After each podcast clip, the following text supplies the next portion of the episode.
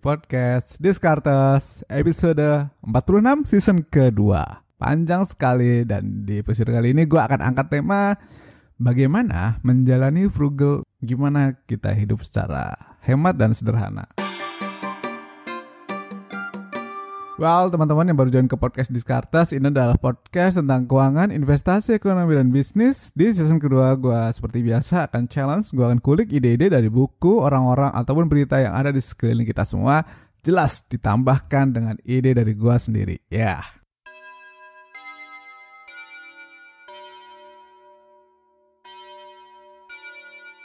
tema frugal living memang lagi hmm lagi hype ya frugal hidup yang hemat. Frugal memang artinya hemat sih, betul. Tapi benarkah hidup secara frugal itu artinya adalah hemat habis-habisan? Nggak ngapa-ngapain? I don't think so.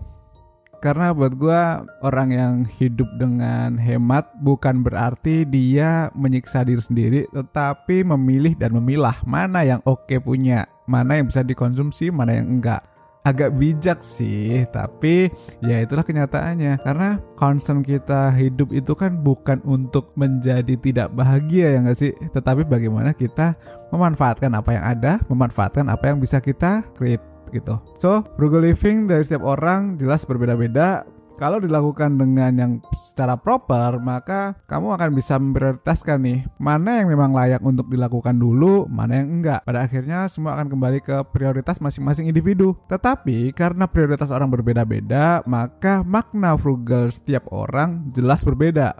Ya kan? Makna frugal dari gua bisa beda sama kamu bisa beda sama teman-teman di kantor ini atau di mana pun pasti beda. Makanya frugal living itu bukan berarti beli sesuatu yang serba murah. Misalnya apa? Contoh gini nih, kamu ke online shop, buka sebuah website, terus klik-klik-klik yang paling murah harganya tanpa tahu ini buat apa. Nope, nggak seperti itu. Kenapa? Karena memang ada orang-orang yang bingung mau ngapa-ngapain. Ya udah deh iseng buka-buka online shop, terus klik-klik cari yang diskonnya 70%, 80% padahal nggak tahu mau diapain barang itu.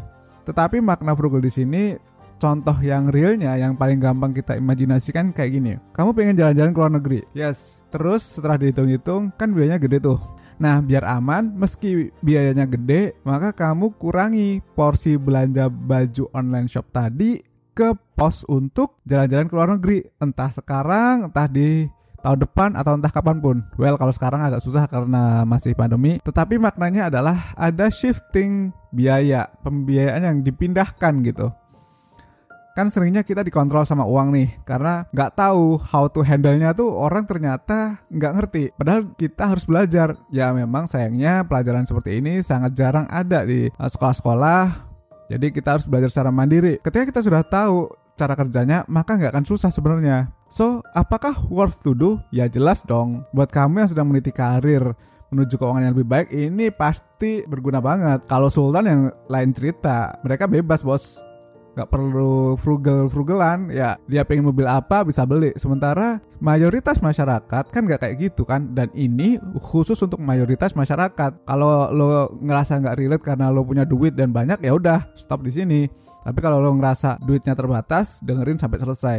Sesimpel itu aja karena baik lagi frugal masing-masing orang itu bisa beda-beda. Memang susah buat kamu yang sudah terbiasa dengan lifestyle kelas atas. Kalau lo sudah biasa jajan per hari bisa ratusan atau sekian juta, ya beda ceritanya dengan orang-orang yang biasa gitu. Ada gue punya klien yang income 2 tahun lalu itu sekitar 60 juta per month. Mungkin sekarang sudah sampai 100 karena dia pindah ke luar negeri. Pas dulu dia jadi klien gua, di konteks finance 60 juta per month tapi dia investasi nggak bisa nabung aja juga nggak bisa dan ini nyata benar-benar ada Kenapa? Karena pada saat itu dia merasa harus menghabiskan uang dengan alasan gue udah kerja capek. Jadi sebagai rewardnya gue harus hidup secara lux gitu.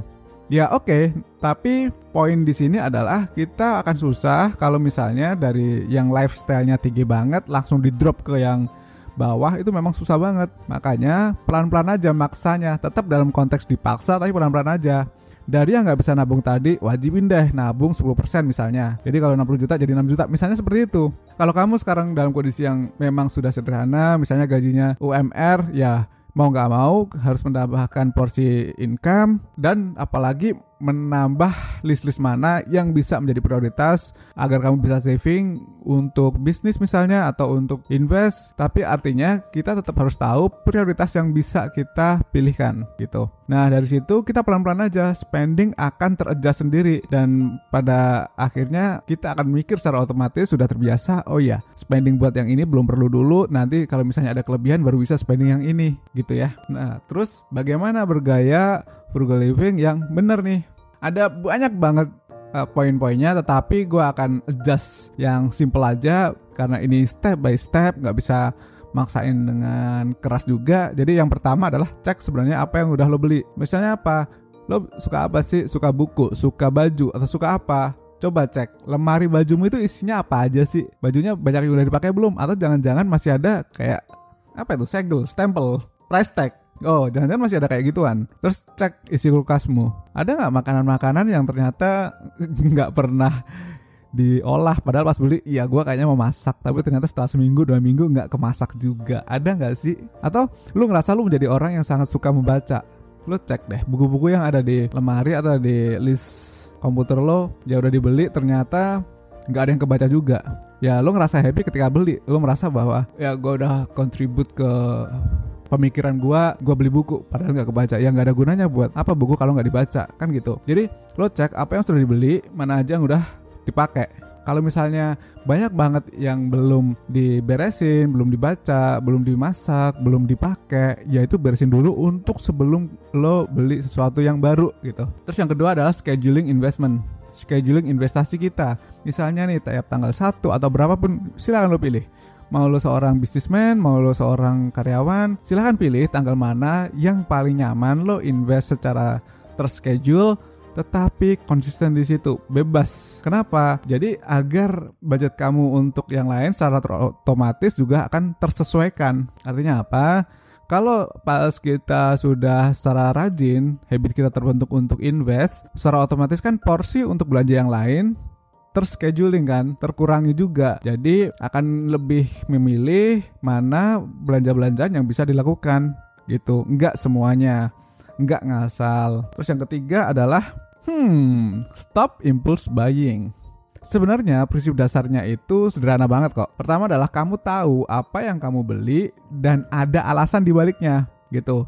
Dan yang kedua adalah alasan itu sendiri entah itu butuh entah itu ingin nggak jadi soal. Tetapi kamu harus beli dengan alasan bukan asal klik atau diskon doang. Karena itu berarti kamu ditekan sama eksternal. Ditekan sama sebuah hasrutan atau sebuah teknik marketing. Bukan berasal dari inner kita. Karena buat gua orang yang butuh dan orang yang ingin sangat boleh belanja.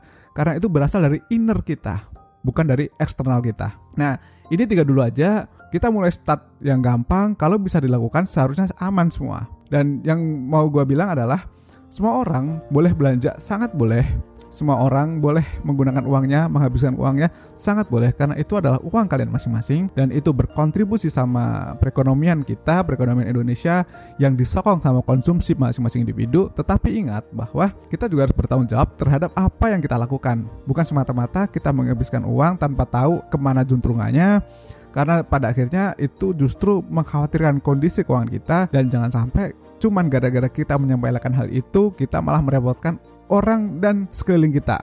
Jatuhnya lu bukan berkontribusi sama perekonomian nasional tetapi lu bikin repot orang sekitar dan itu kita harus hati-hati. Gitu ya. Jadi selamatkan diri lo dan lo bisa berkontribusi yang banyak kepada perekonomian Indonesia. Thank you and bye bye. Sampai jumpa di podcast di atas episode selanjutnya.